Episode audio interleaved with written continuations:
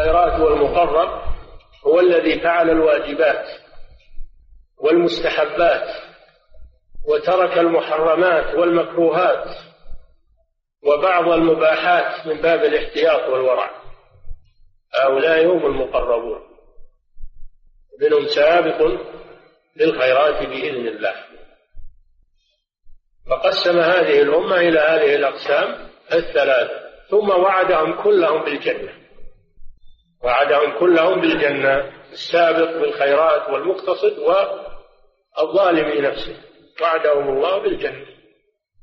جنات عدن يدخلونها يحلون فيها من أساور من ذهب ولؤلؤا ولباسهم فيها حرير.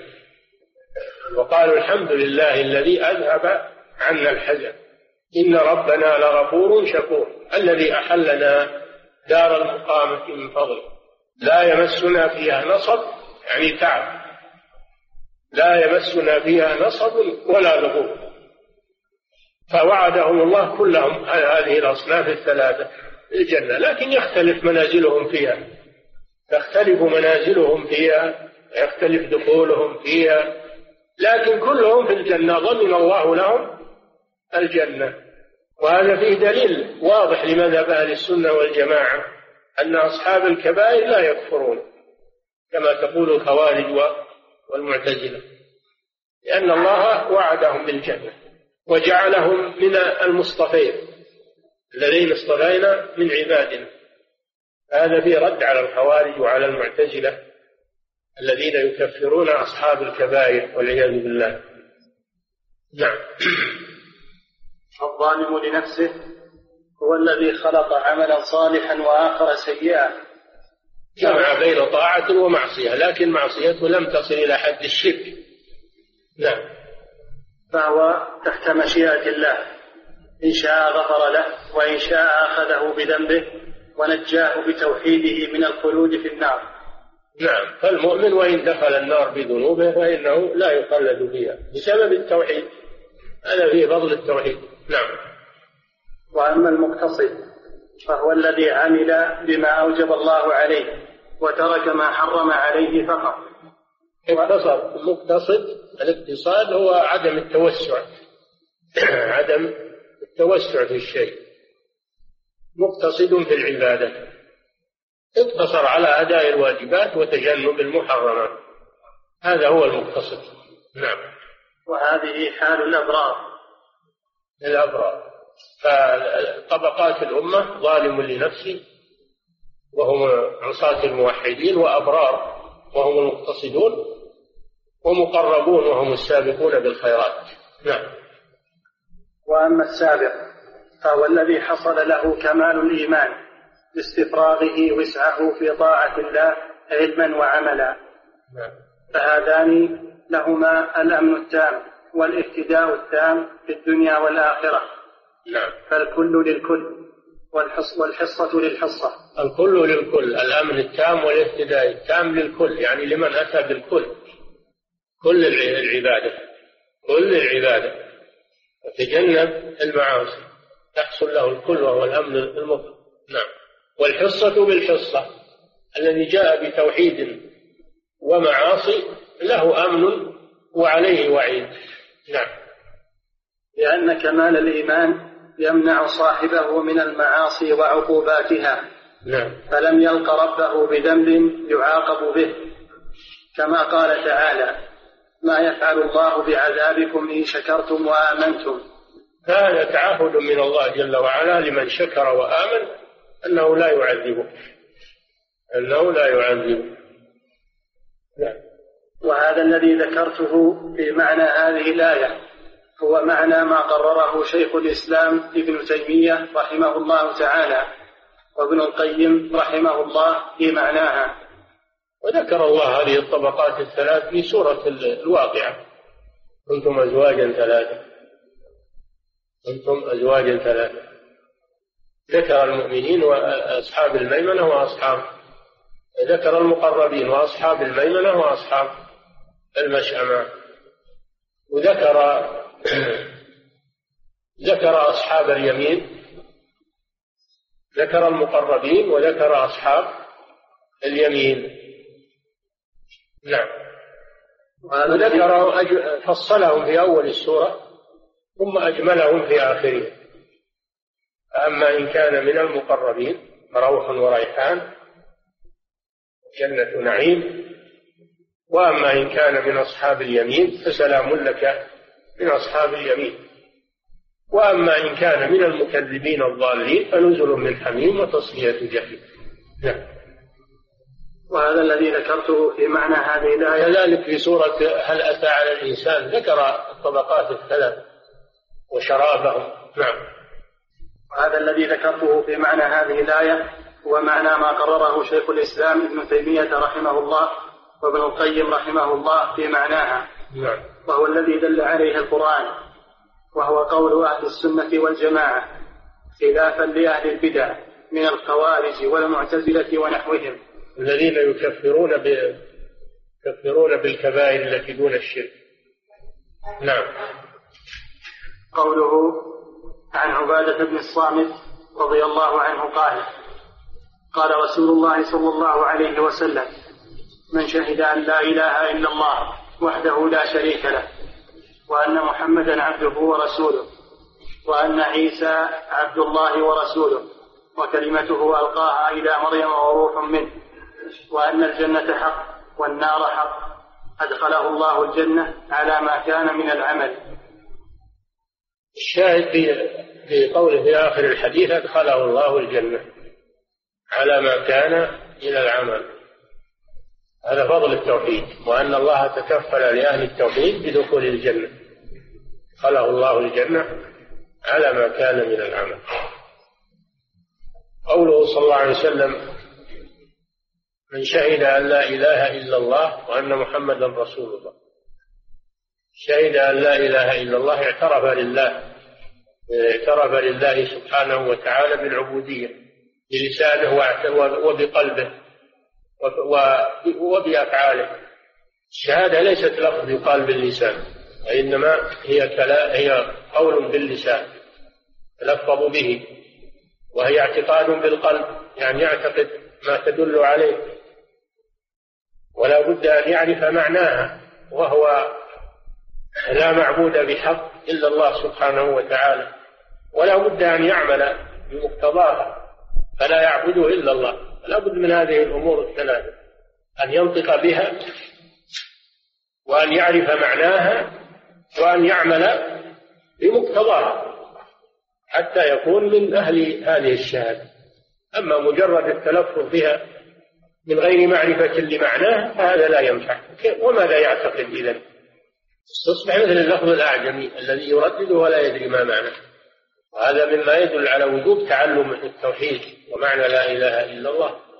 وكذلك لو عرف معناها لو عرف معناها ولكنه لم يعمل بمقتضاها هذا لا تنفعه. لا إله إلا الله. لأن المشركين يعرفون معناها ولذلك قالوا أجعل الآلهة إلها واحدا. أئنا لتاركوا آلهتنا؟ فقال إذا قيل لهم لا إله إلا الله يستكبرون ويقولون أئنا لتاركوا آلهتنا ويقولون أجعل الآلهة إله واحد فهم يعرفون معناها لكن لما لم يعملوا بمقتضاها ما كفى العلم بمعناه لابد من العمل بمقتضاها. وإلا فإنها لا تنفع صاحبه. هذا مما يؤكد على المسلم تعلم معنى لا إله إلا الله. والقيام بما تطلبه هذه الكلمة. مجرد لفظ يردد فقط. ويفعل الإنسان ما يشاء. ما ما ما هذا ما هو صحيح. نعم. قوله من شهد. شهد نطق يعني نطق بلسان معتقدا بقلب. أن لا إله أي لا معبود بحق إلا الله سبحانه وتعالى. فلا إله هذا إبطال بجميع المعبودات من دون الله. إلا الله هذا فيه إثبات العبادة لله سبحانه وتعالى. وأن محمدا رسول الله عليه الصلاة والسلام لا بد مع, مع الاعتراف بتوحيد الله من الاعتراف برسالة النبي صلى الله عليه وسلم.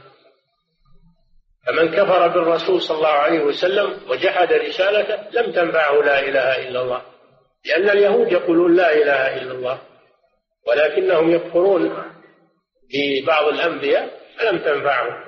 كلمة لا إله إلا الله. حتى يصدق برسالة محمد صلى الله عليه وسلم. ويطيعه فيما أمر. ويترك ما نهى عنه. ويعبد الله جل وعلا بشريعة الرسول. ما يعبد الله بهواه أو بالبدع والمحدثات. هذا معنى شهادة أن محمد رسول الله. وأن عيسى عبد الله. عيسى بن مريم عليه الصلاة والسلام عبد الله ورسوله ليس له شيء من الربوبية كما تقول النصارى. إنه هو الله أو ابن الله أو ثالث ثلاثة.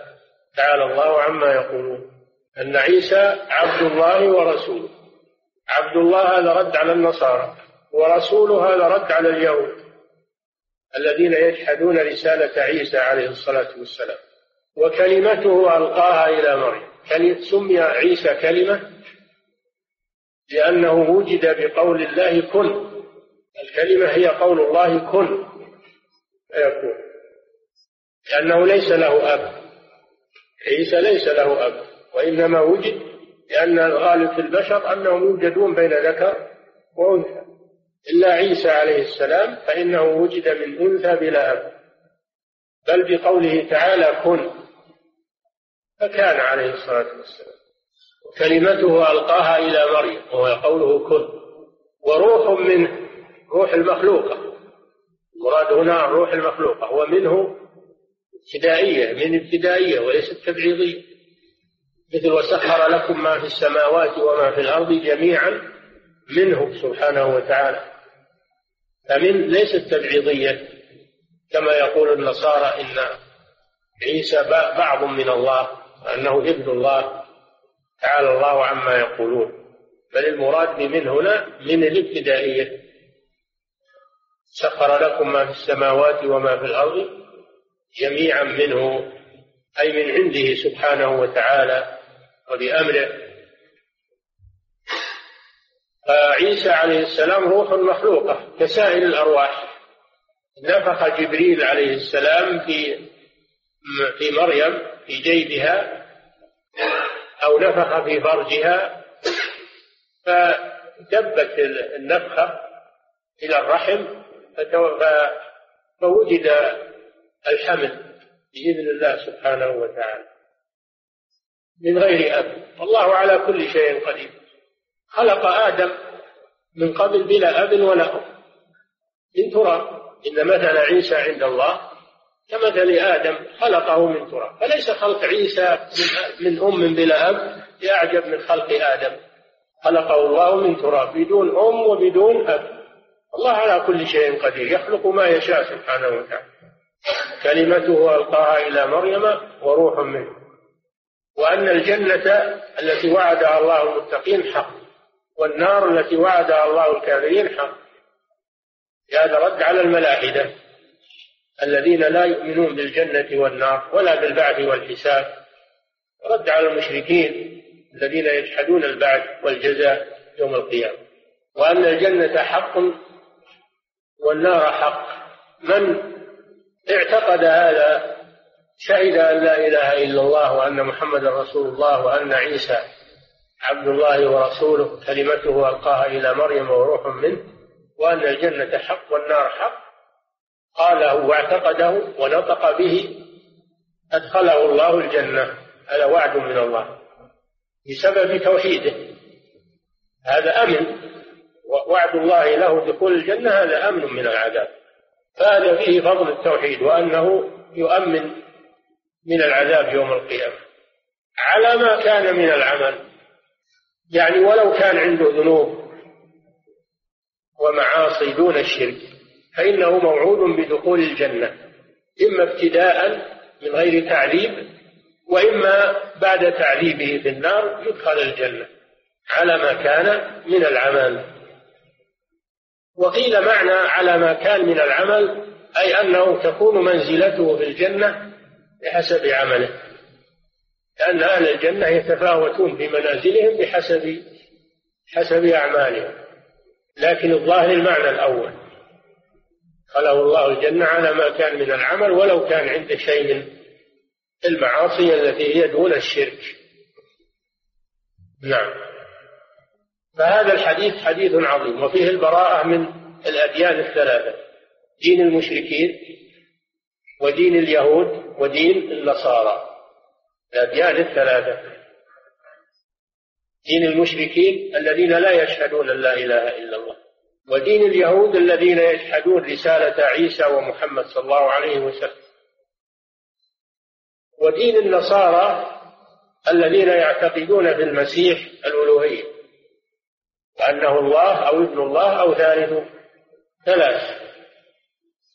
هذا موجود في كتبهم التي يزعمون أنها الأناجيل وهي كذب وبهتان.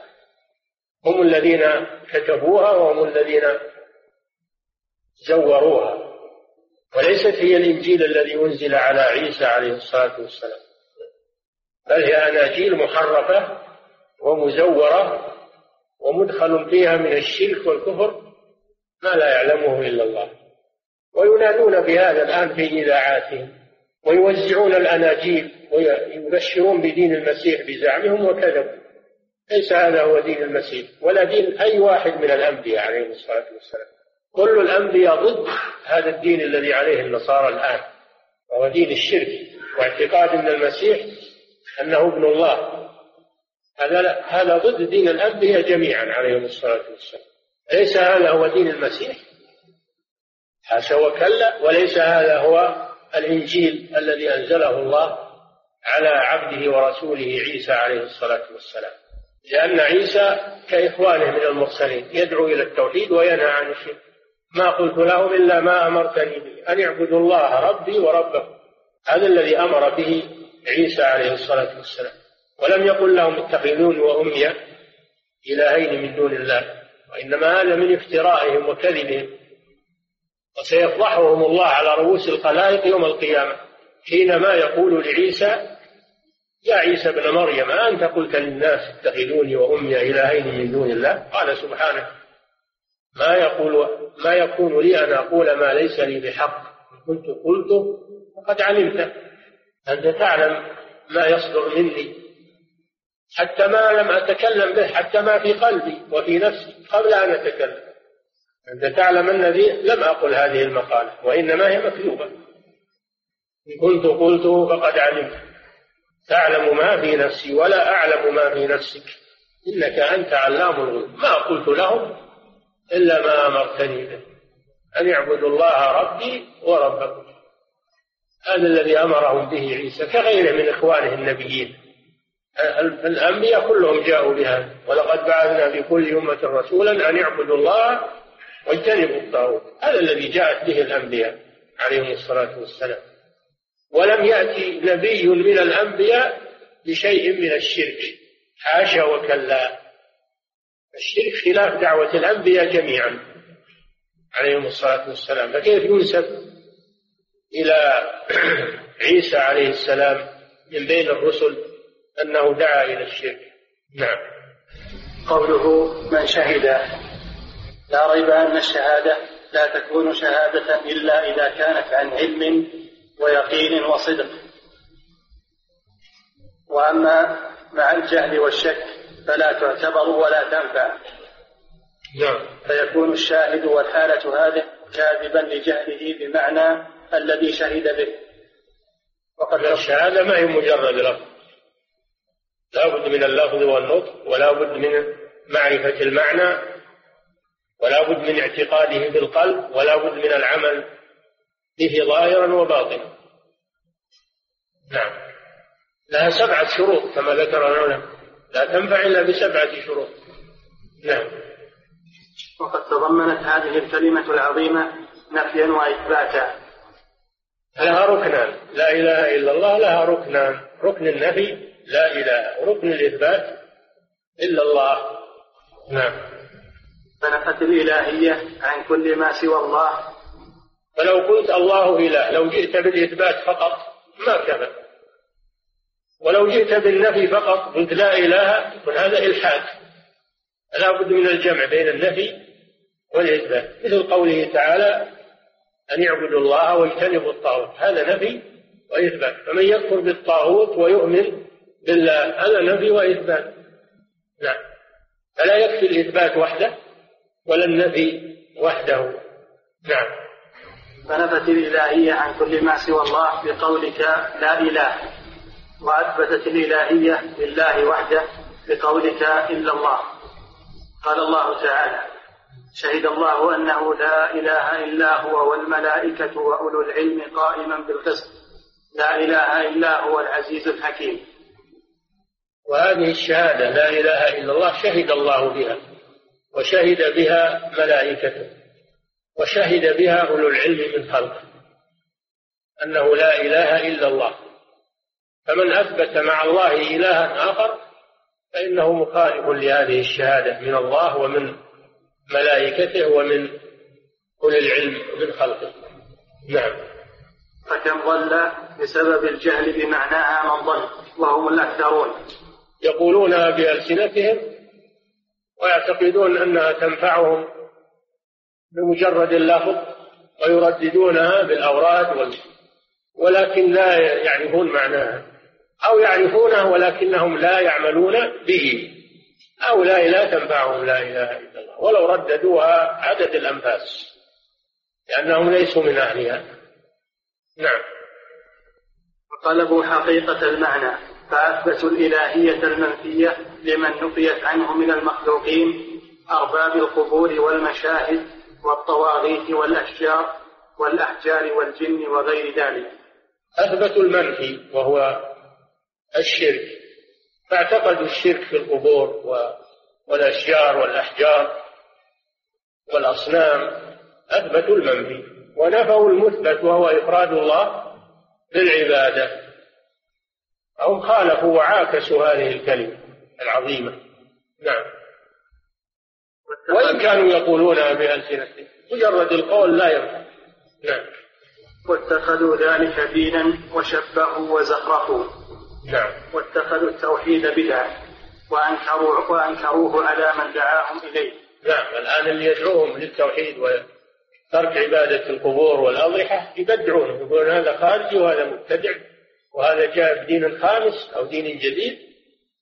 يبدعون أهل التوحيد ويمدحون أهل الشرك وأنهم هم المسلمون. أن الإسلام هو عبادة القبور والتقرب إلى الأموات. والأولياء والصالحين هذا من قلب الحقائق والعياذ بالله. ولا تستغربوا هذا هذا في كتبهم موجود موجود في كتبهم التي يردون بها على أهل التوحيد. نعم. ألم يعرفوا منها ما عرف أهل الجاهلية من كفار قريش ونحوهم؟ أهل الجاهلية عرفوا معنى لا إله إلا الله لكنهم أبوا أن يلتزموا به. خشية التناقض. وهؤلاء ما عرفوا معناه ولذلك وقعوا في الشرك وهم يقولونها. نعم. فإنهم عرفوا معناها وأنكروا ما دلت عليه من الإخلاص. هؤلاء هم المشركون. نعم. كما قال تعالى إنهم كانوا إذا قيل لهم لا إله إلا الله يستكبرون ويقولون أئنا لتاركوا آلهتنا لشاعر مجنون. فهموا أن معنى هذه الكلمة ترك. عبادة الأصنام. وهؤلاء لم يفهموا أن معنى هذه الكلمة ترك عبادة القبور. ما فهموا هذا؟ نعم. والمشركون من أواخر هذه الأمة أنكروا والمشركون من أواخر هذه الأمة أنكروا ما أنكره أولئك على من دعاهم إلى ترك عبادة ما كانوا يعبدونه من دون الله من القبور والمشاهد والطواغيت ونحوها. نعم. فأولئك عرفوا هذا المعنى وأنكروه وهؤلاء جهلوا جهلوا هذا المعنى وأنكروه. ويقولون لمن قال لهم اتركوا عبادة القبور والأضرحة والأولياء والصالحين يقولون أن تنقص الأولياء والصالحين تبغضهم يقول لهم أيضا أنتم تنقصتم الله عز وجل وأبغضتموه ونحن ما نتنقص الأولياء والصالحين بل نحبهم. ولكن نقول ليس لهم في العبادة حق. العبادة حق لله. ليس في هذا تنقص للأولياء والصالحين. وأنتم تدعون علينا هذا مع أنكم تتنقصون الله عز وجل. تشركون به. نعم. ولهذا تجده يقول لا إله إلا الله وهو يدعو مع الله غيره. نعم لأنه لا يعرف معنى التوحيد. لا يعرف أن لا إله إلا الله. تبطل الشرك. لذلك يستمر على الشرك وهو يقول لا إله إلا الله. يتناقض. يتناقض قوله مع عمله والعياذ بالله. نعم. قال ابن القيم رحمه الله تعالى الإله هو الذي تألهه القلوب. محل الإله مأخوذ من المحبة وهي الولد. المحبة. هو الذي تألهه القلوب محبة وإجلالا. وتعظيما. نعم. هو الذي تألهه القلوب محبة وإجلالا وإنابة وإكراما وتعظيما. نعم. وذلا وخضوعا وخوفا ورجاء وتوكلا. نعم. وقال الوزير أبو المظفر رحمه الله تعالى في الإفصاح. قول الوزير أبو المظفر. سمي بالوزير لأنه استوزر لبعض لبعض الخلفاء. وكان من أجلة العلماء رحمه الله وله مؤلف الإفصاح لشرح معاني الصحاح وهو شرح للجمع بين الصحيحين. ولما وصل إلى قول النبي صلى الله عليه وسلم من يريد الله به خيرا يفقهه في الدين كتب على هذا الحديث مجلدا كاملا من أول الفقه إلى آخر الفقه. من أول الفقه إلى آخر الفقه وذكر فيه اختلاف الأئمة الأربعة رحمهم الله في كل مسألة. من باب الاستطراد فهذا الكتاب المسمى الآن بالإفصاح في الفقه هذا قطعة من شرحه على كتاب الجمع بين الصحيحين. نعم. فقال الوزير أبو المظفر رحمه الله تعالى في الإفصاح قوله شهادة أن لا إله إلا الله. يقتضي أن يكون الشاهد عالما بأن لا إله إلا الله. كما قال تعالى فاعلم أنه لا إله إلا الله. هذا شرط أن يعلم بمعناه. أما أن يرد يردد كلام لا يفقه معناه هذا لا يفيده شيئا. نعم. قال واسم الله مرتفع بعد إلا من حيث إلا الله. هذا ما يسمونه بالاستثناء. إذا لم يذكر المستثنى منه إذا لم يذكر المستثنى منه فإنه يجوز في المستثنى الرفع والنصب. نعم. واسم الله مرتفع مرتفع بعد إلا. يعني مرفوع مرفوع بالضمة. من حيث أنه الواجب له الإلهية فلا يستحقها غيره سبحانه. قال وجملة الفائدة في ذلك. أن تعلم أن هذه الكلمة مشتملة على الكفر بالطاغوت والإيمان بالله. فإنك لما نفيت الإلهية وأثبتت الإيجاد لله كنت ممن كفر بالطاغوت وآمن بالله. فهذه الكلمة هي الكفر بالطاغوت والإيمان بالله. لا إله إلا الله هي الكفر بالطاغوت والإيمان بالله. تماما. كفر بالطاغوت وهو كل ما يعبد من دون الله. والإيمان بالله وهو التوحيد. نعم.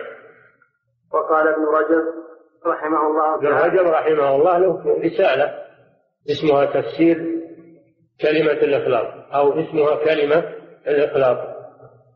مطبوعة ومتداولة وهي رسالة قيمة وجديرة بالعناية. نعم. وقال ابن رجب رحمه الله تعالى الإله هو الذي يطاع فلا يعصى هيبة له وإجلالا ومحبة وخوفا ورجاء الإله هو الذي تصرف له العبادة بجميع أنواعها. هذا هو الإله. ومنها الخوف والرجاء والرغبة والرهبة والذبح والنذر و وسائر العبادات. نعم. وتوكلا عليه وسؤالا منه ودعاء له. ولا يصلح ذلك كله. لأن لا يسأل إلا هو ولا يخاف إلا منه ولا يرجى إلا هو ولا يدعى إلا هو سبحانه وتعالى. كل هذا داخل في معنى لا إله إلا الله. نعم. ولا يصلح ذلك كله إلا لله عز وجل. نعم. فمن أشرك مخلوقا في شيء من هذه الأمور التي هي من خصائص الإلهية كان ذلك قدحا في إخلاصه.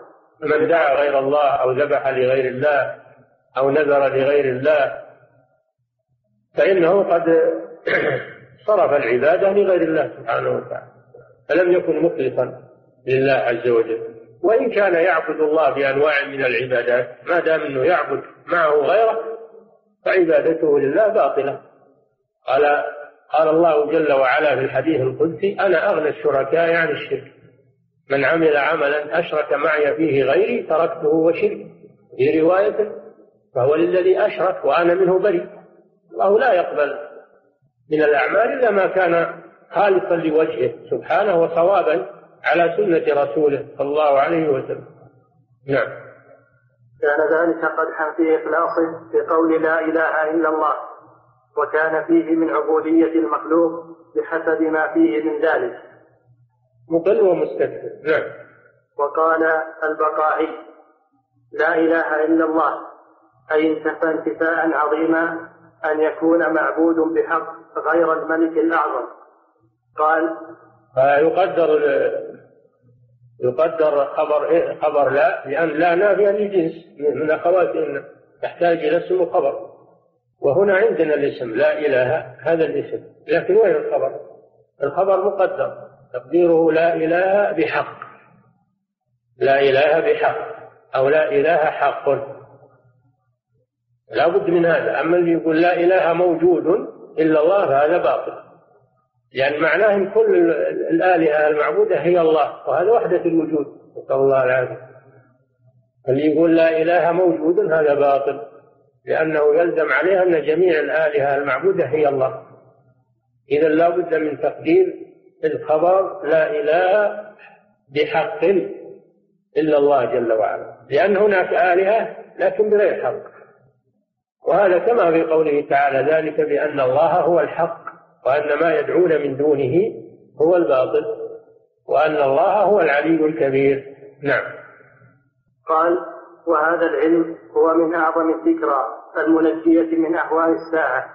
نعم. وإنما يكون علما إذا كان نافعا. وإنما يكون نافعا إذا كان مع الإذعان والعمل بما تقتضيه. العلم ليس مجرد معرفة للأقوال. ومعرفة للنصوص. لا بد من العمل. لا بد من العمل مع العلم. أما عمل بدون علم فهذا لا ينفع. بل هو حجة على صاحبه. ويكون صاحبه من أول من تسعر بهم النار يوم القيامة. وهو عالم. ما ينفعه علمه. لأنه لم يعمل به. نعم. وإنما يكون نافعا إذا كان مع الإذعان والعمل بما تقتضيه. وإلا فهو وإلا فهو جهل صرف فمن علم معنى لا إله إلا الله وجب عليه أن يعمل به وأن يخلص العبادة لله ولا يدعو غيره. نعم. قلت وهؤلاء المتأخرون جهلوا لا إله جهلوا لا إله إلا الله وقلبوا حقيقة المعنى إلى معنى توحيد. قلت قال الشارح أو المعلق رحمه الله الشيخ عبد الرحمن. نعم. قلت. وهؤلاء المتأخرون جهلوا لا إله إلا الله وطلبوا حقيقة المعنى إلى معنى توحيد الربوبية وهو القدرة على الاختراع. نعم. آه، في عقائدهم التي ألفوها على آه، قواعد المنطق وعلم الكلام يفسرون التوحيد بأنه الإقرار بأن الله هو الخالق الرازق المحيي وأن الإله هو القادر على الاختراع. فلا إله يعني لا قادر على الاختراع والخلق إلا الله. هذا هو توحيد المشركين الأول لأنهم يعترفون به ولم ينفعهم. فهذا التفسير تفسير باطل ليس هو معنى التوحيد. التوحيد هو إفراد الله بالعبادة هذا هو التوحيد. أما الإقرار في الربوبية فهذا لا يكفي ولا ينجي من عذاب الله. نعم. فأثبتوا ما نفته لا إله إلا الله من الشرك وأنكروا ما أثبتته من إخلاص العبادة لله جهلا منهم. لذلك ينكرون على من دعاهم إلى إفراد الله بالعبادة وترك عبادة القبور ينكرون عليه يقولون أنت أنت خارج عن مذهب أهل السنة. هذا عهدنا عليه الناس وعليه العمل. وفي علماء ما أنكروه وفيه كذا وكذا. ويا سبحان الله العلم يؤخذ عن الناس العلم يؤخذ من كتاب الله ومن سنة رسوله صلى الله عليه وسلم. هذا اللي يؤخذ منه لا سيما علم التوحيد. أو يؤخذ من عوائد الناس وما عليه الناس أو ما قاله العالم الفلاني بدون دليل. لا يؤخذ هذا. لا يؤخذ حتى في مسائل الفقه. إلا بدليل. فكيف بمسائل التوحيد؟ فهؤلاء العلماء الذين سكتوا أو آه، برروا ما عليه القبوريون هؤلاء لا يحتج بهم. وإن كانوا علماء فهم علماء ضلال. وقد قال النبي صلى الله عليه وسلم أخوف ما أخاف على أمتي الأئمة المضلين. الرسول صلى الله عليه وسلم ذكر أن الأئمة المضلين أخوف على الأمة من المسيح الدجال. أخوف على الأمة من المسيح الدجال. أنهم علماء يحسن الناس الظن بهم فينقادون إليهم ويقودونهم إلى الضلال. إنما العلماء هم أهل الخشية لله وأهل العمل بالعلم وأهل التوحيد. هؤلاء هم العلماء. ورثة الرسل عليهم الصلاة والسلام. نعم. وقد قال الله سبحانه فاعبد الله مخلصا له الدين. قال محي الدين النووي اعلم أن باب الأمر بالمعروف والنهي عن المنكر قد ضيع من أزمان متطاولة ولم يبق في هذه الأزمان إلا رسوم قليلة جدا. هذا في زمن النووي. نعم. وهو باب عظيم به قوام الأمر وملاكه. نعم. وإذا كثر الخبث عم العقاب عم العقاب الصالح والصالح. كما قال النبي صلى الله عليه وسلم لعائشة لما قالت يا رسول الله أنهلك وفينا الصالحون قال نعم إذا كثر الخبث. الماء العقوبة إذا لم تنكر ونزلت فالمعصية إذا لم تنكر ونزلت العقوبة فإنها تعم الصالح والصالح. الصالح لأنه فعل المعصية. والصالح لأنه لم ينكر استحق العقوبة. واتقوا فتنة لا تصيبن الذين ظلموا منكم خاصة. واعلموا أن الله شديد العقاب. فإذا ترك الناس الأمر بالمعروف والنهي عن المنكر أوشك أن يعمهم الله بعذاب منه حتى الذين لم يفعلوا المعاصي يقع بهم العذاب لأنهم لم ينكروا ولم يغاروا لله عز وجل. نعم. وأما الذين ينكرون فإن الله ينجيهم. ينجيهم سبحانه وتعالى بسبب إنكارهم نعم. قوله في لما عتوا عما نهوا عنه أنجينا الذين ينهون عن السوء وأخذنا الذين ظلموا بعذاب بئيس بما كانوا يفسقون. نعم. قوله في هذه الأزمان يعني القرن الخامس والسادس. الذي هو عصر النووي رحمه الله. نعم. وإذا كان كذلك فما الظن بالقرن العاشر وما بعده؟ ما الظن بالقرن العاشر وما بعده القرن الخامس عشر وما بعده.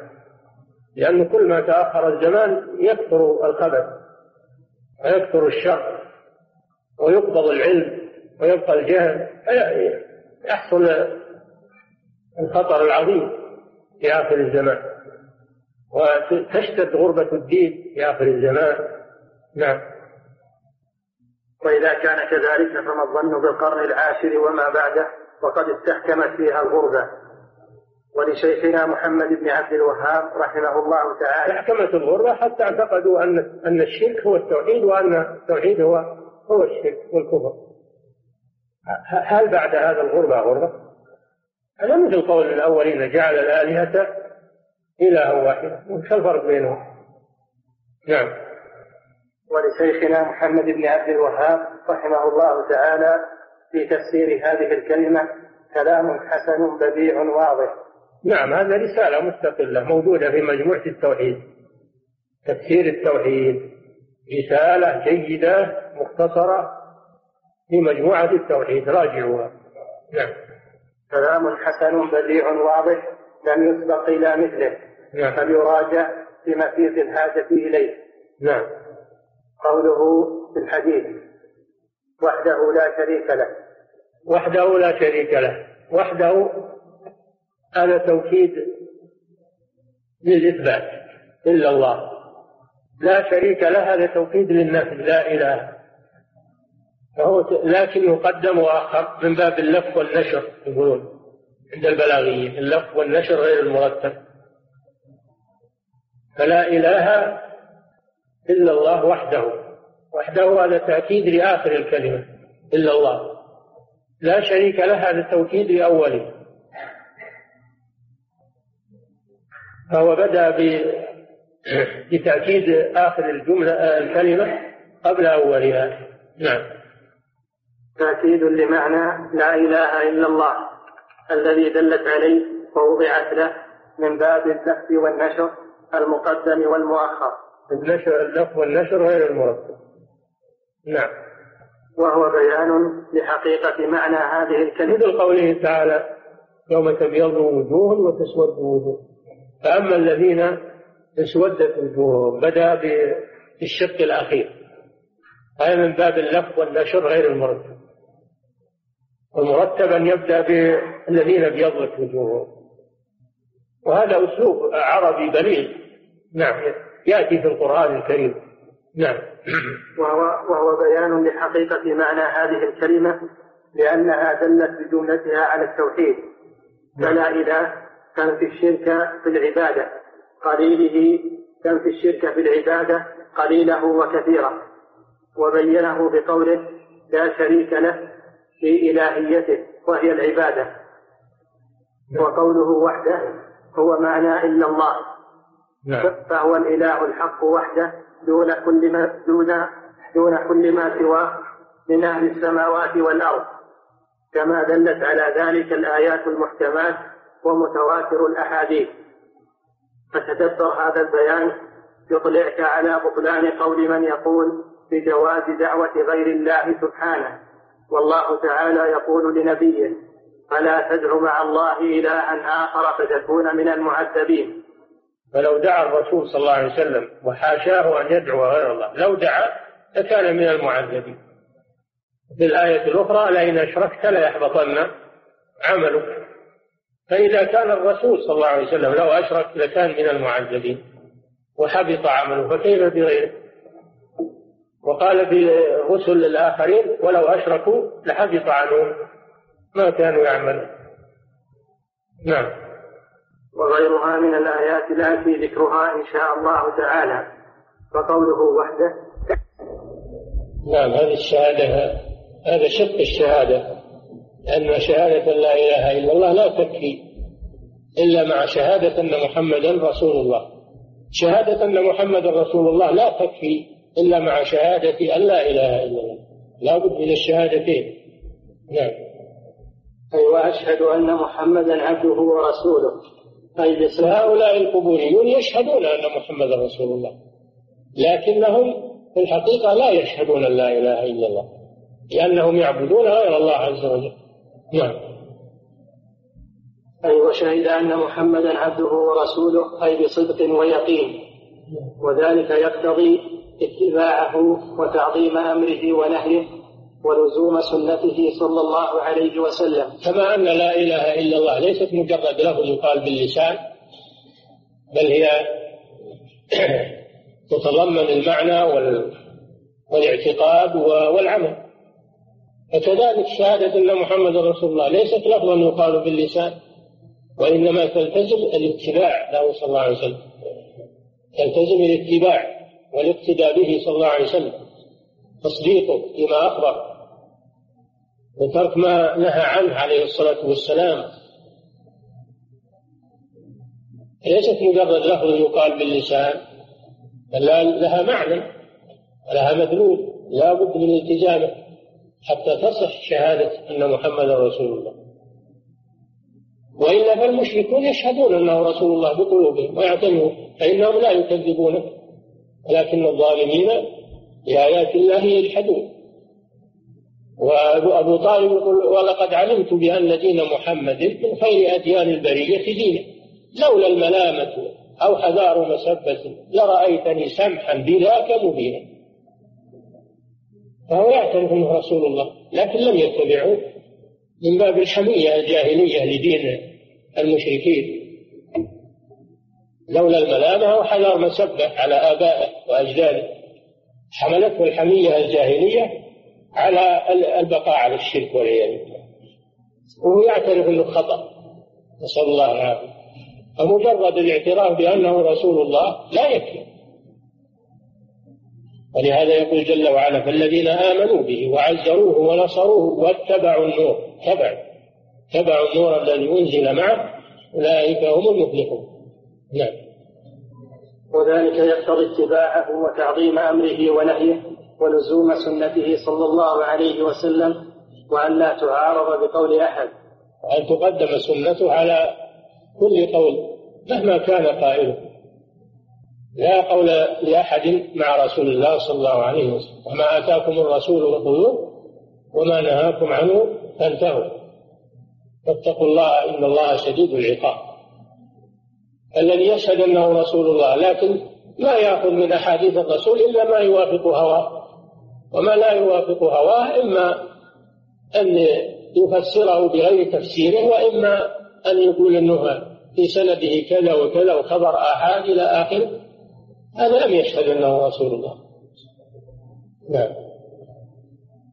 لأن غيره صلى الله عليه وسلم يجوز عليه الخطأ والنبي صلى الله عليه وسلم قد عصمه الله تعالى. رسول معصوم من الخطأ. لا يقول إلا حق وما ينطق عن الهوى إن هو إلا وحي يوحى ما أتاكم الرسول فخذوه هو معصوم صلى الله عليه وسلم من الخطأ. أما غيره من العلماء فهم محل محل اجتهاد يخطئون ويصيبون فيؤخذ من اجتهادهم وأقوالهم ما وافق الحق ويترك ما خالف الحق. الله تعالى أعلم وصلى الله وسلم على نبينا محمد وعلى آله وصحبه أجمعين. لله رب العالمين. والصلاة والسلام على نبينا محمد وعلى آله وصحبه أجمعين. وبعد قال المؤلف رحمه الله تعالى وقوله وأن محمدا عبده ورسوله. أي وشهد أن محمدا عبده ورسوله أي بصدق ويقين. وذلك يقتضي اتباعه وتعظيم أمره ونهيه ولزوم سننه صلى الله عليه وسلم. وأن لا تعارض بقول أحد. لأن غيره صلى الله عليه وسلم يجوز عليه الخطأ. والنبي صلى الله عليه وسلم قد عصمه الله تعالى. وأمرنا بطاعته. بسم الله الرحمن الرحيم. الحمد لله والصلاة والسلام على رسول الله. قال في حديث أبي سعيد من شهد أن لا إله إلا الله وهذا انتهى الكلام عليه. وأن محمدا رسول الله أي شهد أن محمدا رسول الله. أي نطق بذلك بلسانه واعترف به في قلبه وعمل بذلك عمل بمقتضى هذه الشهادة فأطاع الرسول صلى الله عليه وسلم في أمره وتجنب نهيه واتبع سنته فليس المراد اللفظ فقط أن يشهد أنه رسول الله ولكنه لا يعمل بهذه الشهادة فلا بد من هذه الأمور أن ينطق بهذه الشهادة بلسانه وأن يعتقدها في قلبه وأن يعمل بها في جوارحه حتى يكون شاهدا بحق. أما مجرد شهادة أن محمدا رسول الله باللسان من غير عمل بها ومن غير اتباع لما تقتضيه فإنها لا تنفع صاحبها نعم. والنبي صلى الله عليه وسلم قد عصمه الله تعالى وأمرنا بطاعته والتأسي به. ومن شهادة أنه رسول الله تقديم قوله على قول كل أحد. لأنه معصوم من الخطأ وأما غيره فإنه عرضة للخطأ. مهما بلغ من العلم والتقى والورع فإنه ليس بمعصوم. أما الرسول صلى الله عليه وسلم فإنه لا ينطق عن الهوى إن هو إلا وحي يوحى. ولهذا لا يجب اتباع شخص بعينه إلا الرسول صلى الله عليه وسلم. وأما غيره فإنه متبع فيما اتبع فيه الرسول صلى الله عليه وسلم ولا يتبع فيما خالف فيه الرسول صلى الله عليه وسلم. ولهذا يقول شيخ الإسلام ابن تيمية رحمه الله من اعتقد أن أحدا يجب اتباعه غير الرسول صلى الله عليه وسلم فإنه يستتاب فإن تاب وإلا قتل يعني هذا ردة. إذا اعتقد أن شخصا يجب طاعته وقبول أقواله غير الرسول صلى الله عليه وسلم فإنه مرتد عن دين الإسلام لأن هذا لا يكون إلا في حق الرسول صلى الله عليه وسلم. أما غيره فإنه يؤخذ من قوله ما وافق سنة الرسول صلى الله عليه وسلم ويترك ما خالف سنة الرسول صلى الله عليه وسلم. نعم. وأمرنا بطاعته والتأسي به والوعيد على ترك طاعته بقوله تعالى وما كان لمؤمن ولا مؤمنة إذا قضى الله ورسوله أمرا أن يكون لهم الخيرة من أمرهم. الآية إذا قضى الله ورسوله أمرا أن يكون لهم الخيرة من أمرهم. فأوجب طاعة الرسول صلى الله عليه وسلم كما أوجب طاعته سبحانه لأن الرسول صلى الله عليه وسلم مبلغ عن الله. ومعصوم من الخطأ تجب طاعته بكل حال من غير توقف ومن غير شك في قوله عليه الصلاة والسلام. وكذلك في قوله تعالى وما آتاكم الرسول فخذوه وما نهاكم عنه فانتهوا. هذا أمر من الله سبحانه وتعالى بأن يؤخذ كل ما جاء به الرسول صلى الله عليه وسلم ما ما موصولة من صيغ العموم ما آتاكم الرسول فخذوه. يعني اقبلوا وما نهاكم عنه فانتهوا. اتركوا ما نهاكم عنه ما عامة. كل ما نهى عنه الرسول صلى الله عليه وسلم فإنه يجب تجنبه. وقال صلى الله وقال سبحانه وتعالى من يطع الرسول فقد أطاع الله قال تعالى وإن تطيعوه تهتدوا وما على الرسول إلا البلاغ وقال جل وعلا وأطيعوا الرسول لعلكم ترحمون إلى غير ذلك من الآيات. نعم. فطاعة الرسول صلى الله عليه وسلم واجب لا خيار فيه. نعم. وقال الله سبحانه فليحذر الذين يخالفون عن أمره أن تصيبهم فتنة أو يصيبهم عذاب أليم. وهذا وعيد من الله جل وعلا لمن خالف الرسول صلى الله عليه وسلم. أن تصيبه فتنة فتنة في قلبه وهي الشرك والزيغ والعياذ بالله. أو عذاب أليم عقوبة عقوبة عاجلة أو آجلة بالقتل أو بتلف الأموال والأولاد. هذا في الدنيا وفي الآخرة النار والعياذ بالله. أو عذاب أليم في الدنيا والآخرة. الذي يخالف الرسول صلى الله عليه وسلم متوعد بها بهاتين العقوبتين. عقوبة قلبية وعقوبة بدنية. فتنة هذه عقوبة قلبية. لأن يصرف قلبه عن الحق. وهذه أشد. وعقوبة بدنية أن يصاب. أن يصاب في بدنه بعقوبة. مرض أو قتل أو ضرب أو غير ذلك.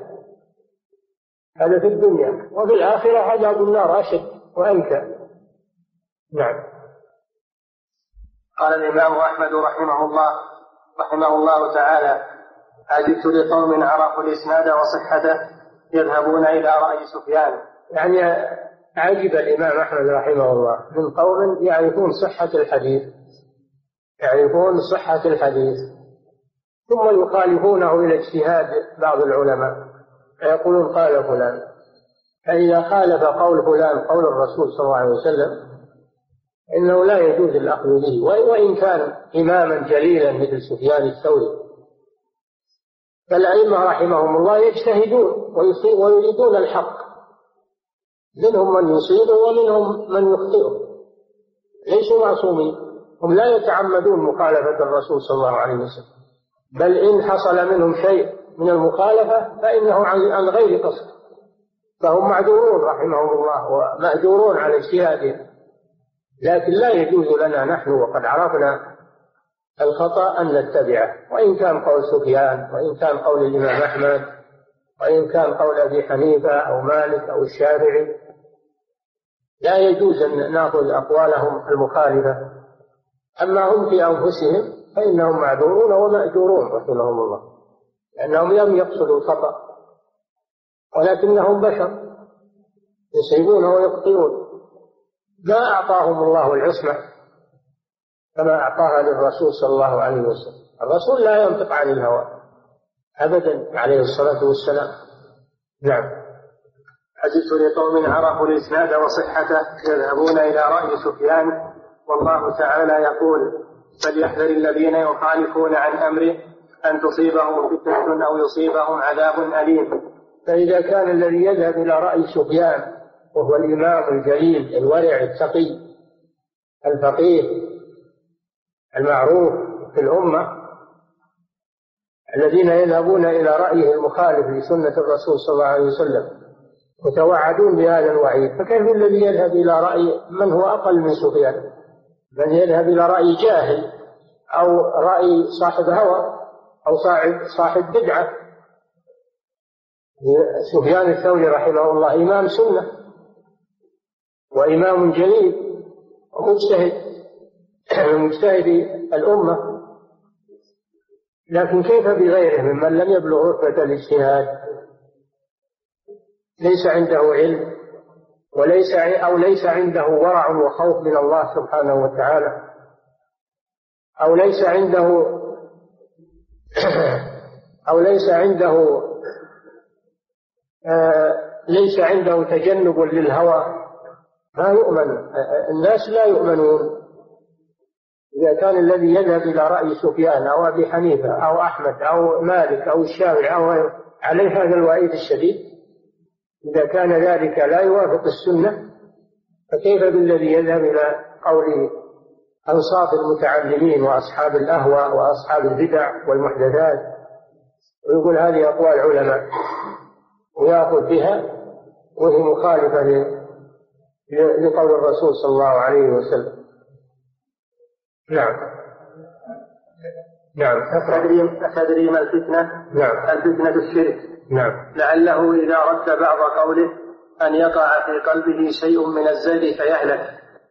هذه الفتنة وهي تصيب القلب. نعم. والذي يصيب القلب أشد من الذي يصيب البدن. نعم. وقد وقع التفريط في المتابعة وتركها. وتقديم أقوال من يجوز عليهم الخطأ على قوله صلى الله عليه وسلم لا سيما من العلماء كما لا يخفى. بس إذا كان هذا في حق العلماء لا يجوز تقليدهم فيما خالف الدليل فكيف يجوز تقليد الذين هم ليسوا من العلماء؟ بس لمجرد إن قولهم يوافق الهوى أو يوافق رغبة الناس؟ لا يجوز. نعم. قوله وأن عيسى عبد الله ورسوله.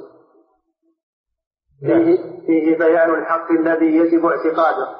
كما في الآيات المحكمات لأن عيسى عليه الصلاة والسلام ظل فيه طائفتان. الطائفة الأولى طائفة اليهود وقد فرطوا في حقه وجحدوا رسالته وزعموا قبحهم الله أنه ولد بغي لأنه ليس له أب.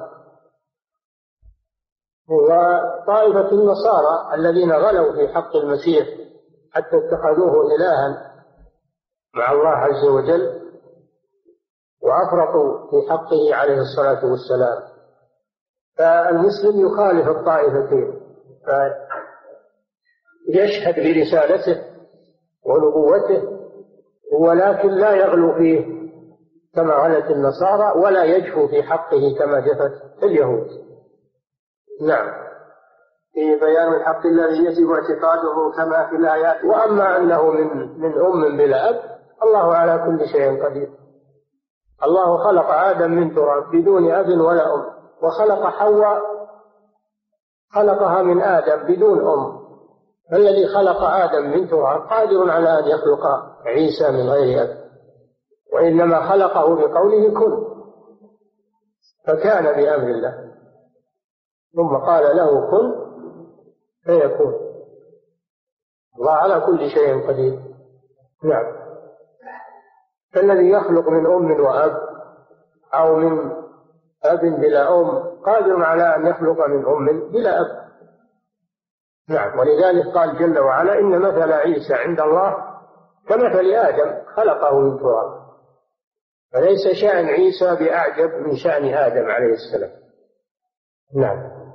كما في الآيات المحكمات وما فيها من الرد على كفار النصارى. وهم ثلاث طوائف طائفة قالوا إن عيسى هو الله. وطائفة قالوا الذين قالوا إن الله هو المسيح ابن مريم. نعم.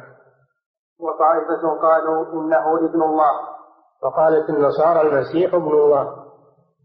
الابن المخلف يسمونه. نعم. وطائفة قالوا إن الله ثالث ثلاثة. قد كفر الذين قالوا إن الله ثالث ثلاثة الله وعيسى وروح القدس. ثلاثة ثم يقولون إله واحد. فكيف تكون الثلاثة شيئا واحدا؟ ألا لا لا تصدق به العقول. أن الثلاثة تكون واحدا والواحد يكون ثلاثة. ما يتصور العقول. ولا نزل به كتاب ولا سنة. وإنما هو شيء ابتدعوه. ولذلك تسمى عقيدتهم بعقيدة التثليث والمثلثة. نعم. قالوا إن الله ثالث ثلاثة يعنون عيسى وأمه. ولهذا أنزل الله قوله قل هو الله أحد الله الصمد لم يلد ولم يولد ولم يكن له كفوا الله ليس له والد وليس له ولد وليس له مشابه من خلقه سبحانه وتعالى. هذه هي العقيدة. الصحيحة لله عز وجل. ولهذا يذكر عن بعض النصارى الذين أسلموا في العصر الحاضر ولما سئل عن سبب إسلامه قال لما سمعت هذه السورة أخذت في قلبي قل هو الله أحد الله الصمد لم يلد ولم يولد ولم يكن له كفوا أحد. قال فاسترحت. استرحت من تفكير أخذ علي الليل والنهار كيف يكون الثلاثة واحد والواحد ثلاثة؟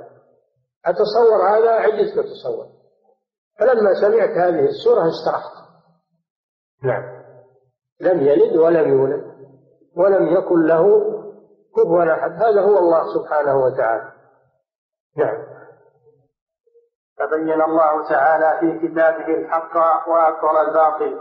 نعم. فقال يا أهل الكتاب لا تغلوا في دينكم ولا تقولوا على الله إلا الحق. والغلو هو الزيادة كما غلوا في المسيح عليه الصلاة والسلام ورفعوه من مرتبة البشرية إلى مرتبة الإلهية. نعم. ولا تقولوا على الله إلا الحق. لا تنسبوا إليه من الولد ومن الشبيه ما نزه نفسه عنه. إنما المسيح عيسى ابن مريم رسول الله وكلمته ألقاها إلى مريم وروح رسول الله ليس هو الله. ولا ثالث ثلاثة. وليس هو الله. إنما المسيح عيسى ابن مريم. عيسى ابن مريم ابن مريم. الله جل وعلا لم يلد ولم يولد. المسيح مولود. المسيح مولود من أم. فكيف يتصور أن أنه إله مع أنه مولود؟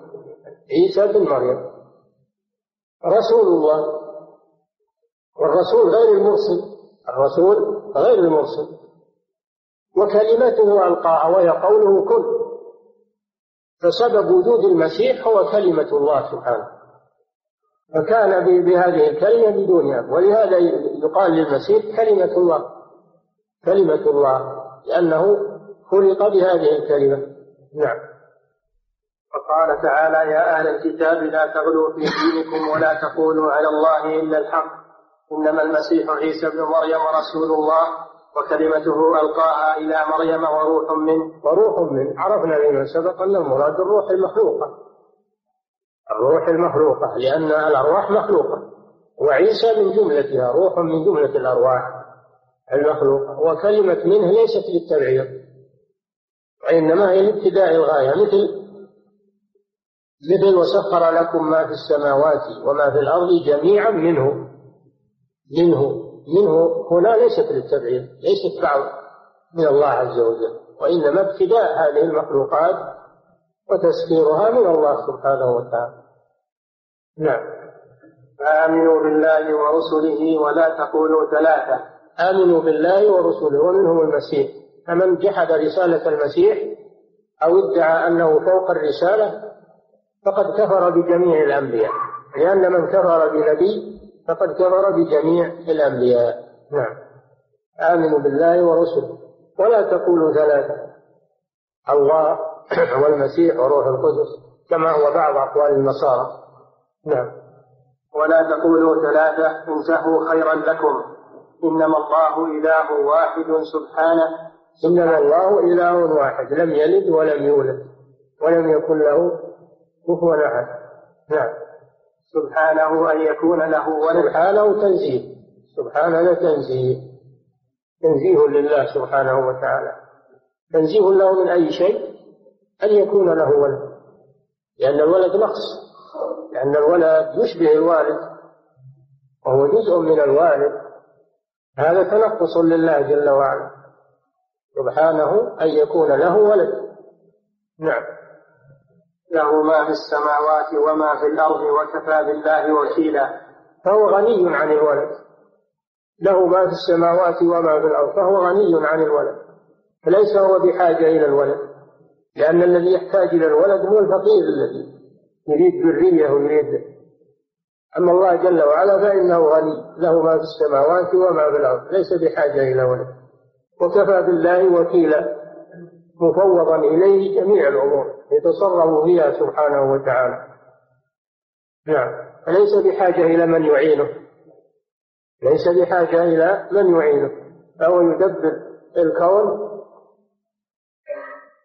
ولا ولا يشق عليه سبحانه وتعالى فليس بحاجة إلى من يعين. ليس له معين ولا ظهير. نعم.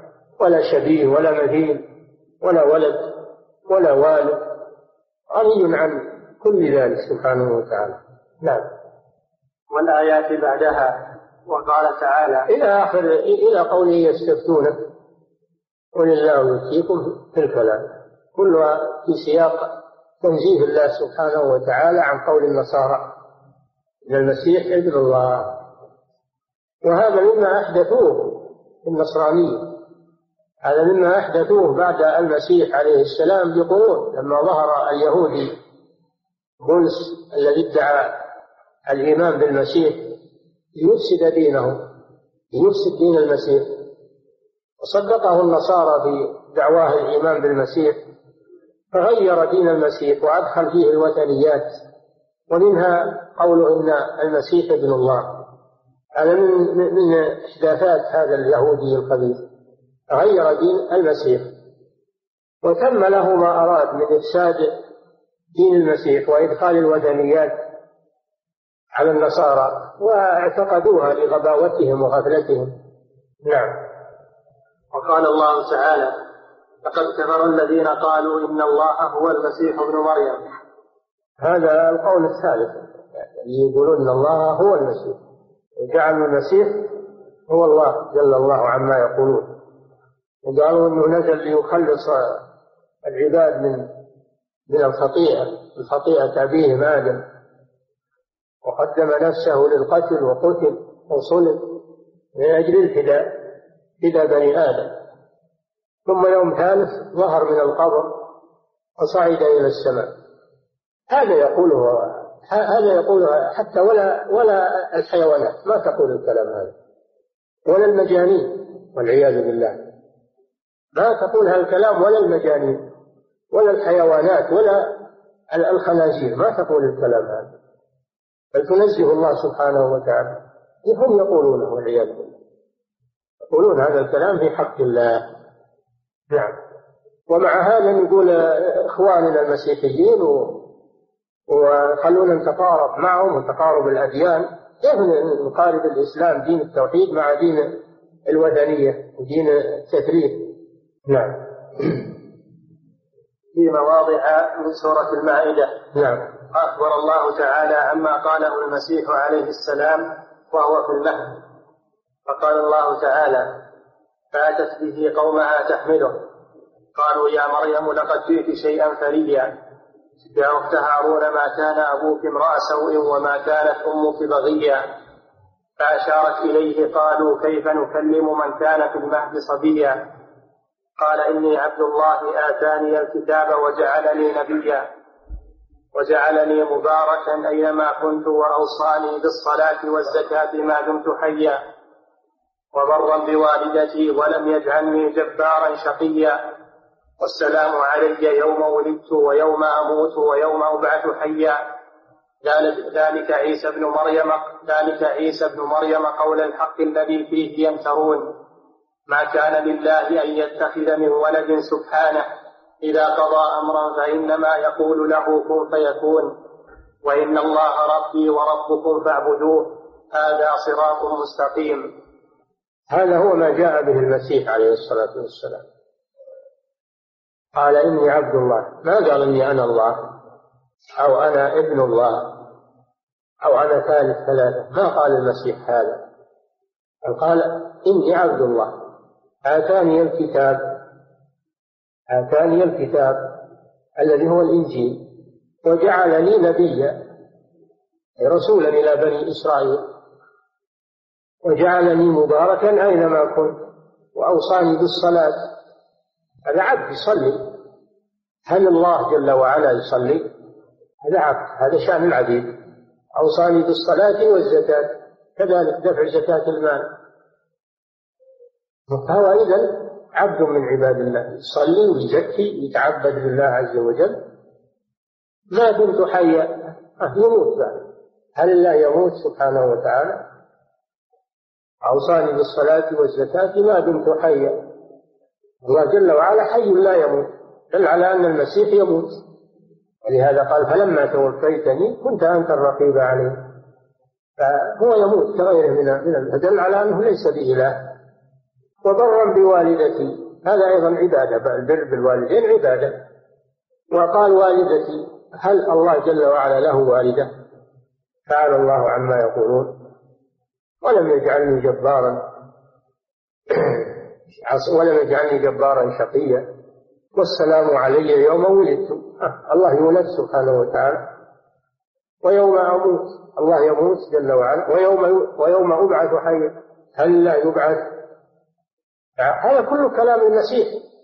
هذه مقالات المسيح ذكرها الله سبحانه وتعالى ليرد بها على النصارى وهم يقولون بهذا أن هذا كلام المسيح. هذا موجود في الإنجيل وموجود في كتبه ولهذا لما سمعه النجاشي أسلم لما سمع هذا القرآن أسلم وقال هذا والذي ينزل على موسى من مشكاة واحدة. فأسلم رحمه الله. وهو نصراني. ويوم أبعث حي. ذلك عيسى بن مريم. هذا هو شأنه هذه قصته. قول الحق الذي فيه يمترون. الله جل وعلا بين الحق في عيسى. ورد على النصارى. ثم قال ما كان لله أن يتخذ من ولد. لا يليق به سبحانه أن يتخذ الولد لأن الولد شبيه بالوالد والله لا شبيه له. والوالد بحاجة إلى الولد والله غني عن العالمين. ثم قال سبحانه نزه نفسه عن ذلك. إذا قضى أمرا فإنما يقول له كن فيكون فليس بحاجة إلى من يعينه. بل بمجرد ما يقول للشيء كن يكون بإذن الله. من غير تأخر ليس بحاجة إلى من يعينه أو من يؤازره. وإن الله ربي ورب وربكم. هذا كلام المسيح عليه السلام. قال لبني إسرائيل وهو في المهد. وهو في المهد. ويقولها يوم القيامة على رؤوس الأشهاد. ما قلت لهم إلا ما أمرتني به أن يعبدوا الله ربي وربكم. وإن الله ربي وربكم فاعبدوه. جعل العبادة حق لله سبحانه وتعالى. حقا لله جل وعلا. هذا صراط مستقيم طريق معتدل. هذا هو هو, الذي جاء به المسيح عليه الصلاة والسلام. فاختلف الأحزاب من بينهم هذا بعد المسيح عليه السلام حصل الاختلاف بين النصارى في شأن المسيح. منهم طائفة بقيت على الإيمان على الإيمان بالمسيح وأنه عبد الله ورسوله. طائفة من النصارى ثبتوا على الإيمان. وبقية النصارى خالفوا في شأن المسيح. نعم. تبين تعالى الصراط المستقيم الذي من سلكه نجا ومن خرج عنه هلك. نعم. وقال الله تعالى إن مثل عيسى عند الله كمثل آدم خلقه من تراب ثم قال له كن فيكون. فلا غرابة في خلق عيسى من أم بلا أب ما دام أن الله خلق آدم من تراب بدون أب ولا أم. فالذي قدر على خلق آدم من تراب قادر على خلق عيسى من أم بلا أب من باب أولى. وهو لا يعجزه شيء سبحانه وتعالى. نعم. إن مثل عيسى عند الله كمثل آدم خلقه من تراب ثم قال له كن فيكون. الحق من ربك فلا تكن من الممتلين نعم. فبين تعالى الصراط المستقيم. بيان بيانا شافيا كافيا وافيا. وأقام حججه على توحيده. فأحق الحق وأبطل الباطل ولو كره المشركون. هم الآن يروجون ما يسمونه بالإنجيل أو الكتاب المقدس. وفيه هذه الكفريات الشنيعة والعياذ بالله. ولا يستحون على أنفسهم. أمام العالم. لأن الله نكس قلوبهم. فصاروا لا يخجلون من الباطل. هذا الكتاب فضيحة الذي يروجونه فضيحة عليهم. وليس هو دين المسيح ولا جاء به المسيح. وإنما هو من اختلافهم وتغييرهم ويروجون على أن هذا هو دين المسيح. نعم. قوله وكلمته ألقاها إلى مريم. نعم. أي قوله كن. فخلقه بكن فكان خلقه بكن من غير أب الله على كل شيء قدير. نعم. ففيه إثبات صفة الكلام لله تعالى خلافا للجهمية أيضا. فقال له كن قال له. هذا فيه إثبات الكلام لله جل وعلا. نعم. قوله وروح منه أي من الأرواح التي استخرجها من صلب آدم عليه السلام وأخذ عليه وأخذ عليها العهد على أنه تعالى ربهم وإلههم. فهو روح مخلوقة روح مخلوقة. جاء بها جبريل عليه السلام بأمر الله ونفخها في نفخها في مريم فتكون المسيح عليه السلام. من هذه الروح المخلوقة التي نفذها روح القدس. جبريل عليه الصلاة والسلام بأمر الله سبحانه وتعالى. نعم.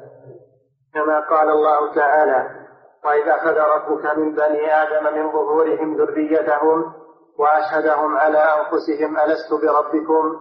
قالوا بلى شهدنا الآيات. وروح, وروح عيسى من تلك الأرواح التي خلقها الله تعالى. نعم. وذكر ابن جرير عن وهب بن منبه. قال نفخ جبريل في جيب درع مريم حتى وصلت النفخة إلى الرحم فاشتملت. وعن السدي أن النفخة دخلت في صدرها فحملت. وقال ابن جريج يقولون إنما نفخ في جيب درعها وكمها. انتهى مختصرا. أما أين نفخ جبريل عليه السلام؟ هذا لا يعلمه إلا الله ولا شأن لنا به المهم أنه نفخ عليه السلام النفخة التي تكون بها المسيح نفخ في درع جيبها في فرجها الله أعلم. في آية يقول فنفخنا فيه. ومريم ابنة عمران التي أحصنت فرجها فنفخنا فيه. الضمير وين يرجع؟ إلى فرجها. فنفخنا فيه من روحنا. وفي آية الأنبياء يقول جل وعلا فنفخنا فيها من روحه. فيها. نعم. فجبريل نفخ. والذي أحصنت فرجها فنفخنا فيها من روحنا. نعم. فجبريل عليه السلام نفخ. والله خلق بقول كن فكان. كما قال تعالى فإذا سويته ونفخت فيه من روحي. فسبحان من لا يخلق غيره. نعم. ولا يعبد سواه. وقد أورد بعض النصارى على بعض علماء المسلمين قول الله تعالى وروح منه فقال في الجواب هذا ليس خاصا بعيسى عليه عليه السلام بل المخلوقات كذلك كلها. كلها منه سبحانه وتعالى. خلق لكم ما في السماوات وما في الأرض جميعا منه. فهل المخلوقات كلها من الله؟ يعني أنها بعض من الله؟ لا. من ليست تبعيضية. من تأتي على معاني. منها التبعيضية ومنها الابتدائية ومنها إلى آخره. معروف. هذا في اللغة. نعم. مفردات اللغة. نعم. كما قال الله تعالى وسخر لكم ما في السماوات وما في الأرض جميعا منه. أي خلقا وإيجادا منه أي خلقا وإيجادا كذلك المسيح منه خلقا وإيجادا نعم. وعيسى كذلك خلقه وأوجده كسائر مخلوقاته. نعم. وفي هذا الحديث الرد على اليهود أعداء الله.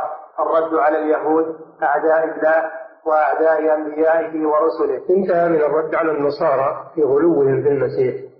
ودعواهم أنه الله أو ابن الله أو ثالث ثلاثة وقد حذرنا النبي صلى الله عليه وسلم أن نغلو في حقه كغلو النصارى.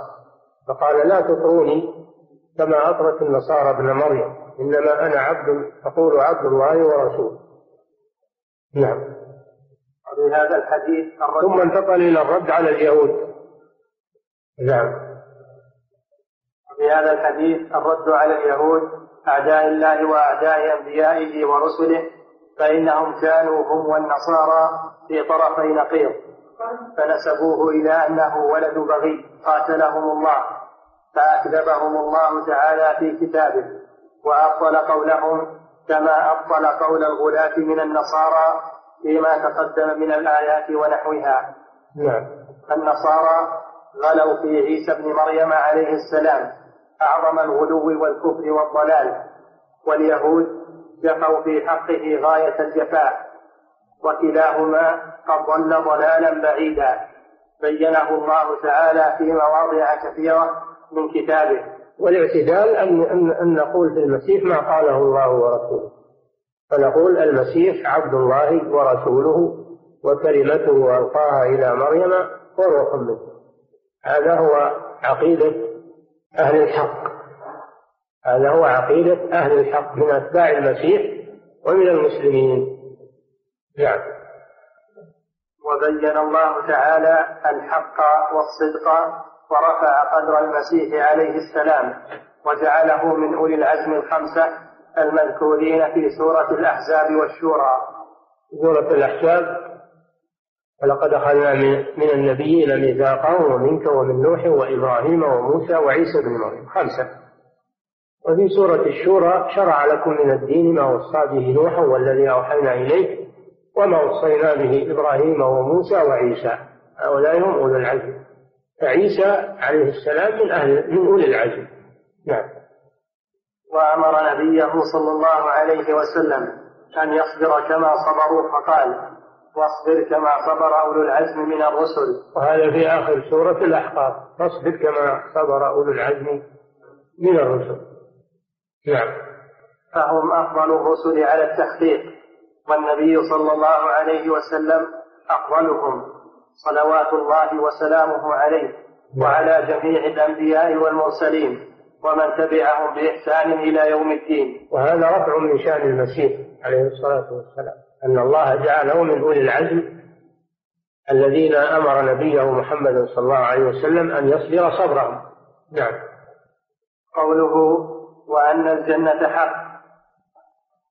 نعم. أعدها الله للمؤمنين يوم القيامة. وما فيها من القصور والثمار. هذا رد على المشركين. رد على المشركين الذين ينكرون البعث. المشركون ينكرون البعث. هذا كثير بالقرآن أن الله يذكر إنكارهم للبعث ويرد عليه. فهذا فيه براءة من دين المشركين. لما ذكر البراءة من دين اليهود والبراءة من دين النصارى ذكر البراءة من دين المشركين. نعم. وما فيها من القصور والثمار والفواكه والنعيم المقيم والنظر إلى وجه الله الكريم. كما قال الله تعالى عطاء غير مجدود وقال تعالى فلا تعلم نفس ما أخفي لهم من قرة أعين جزاء بما كانوا يعملون. والنار حق أعدها الله تعالى لمن كفر به وأشرك في إلهيته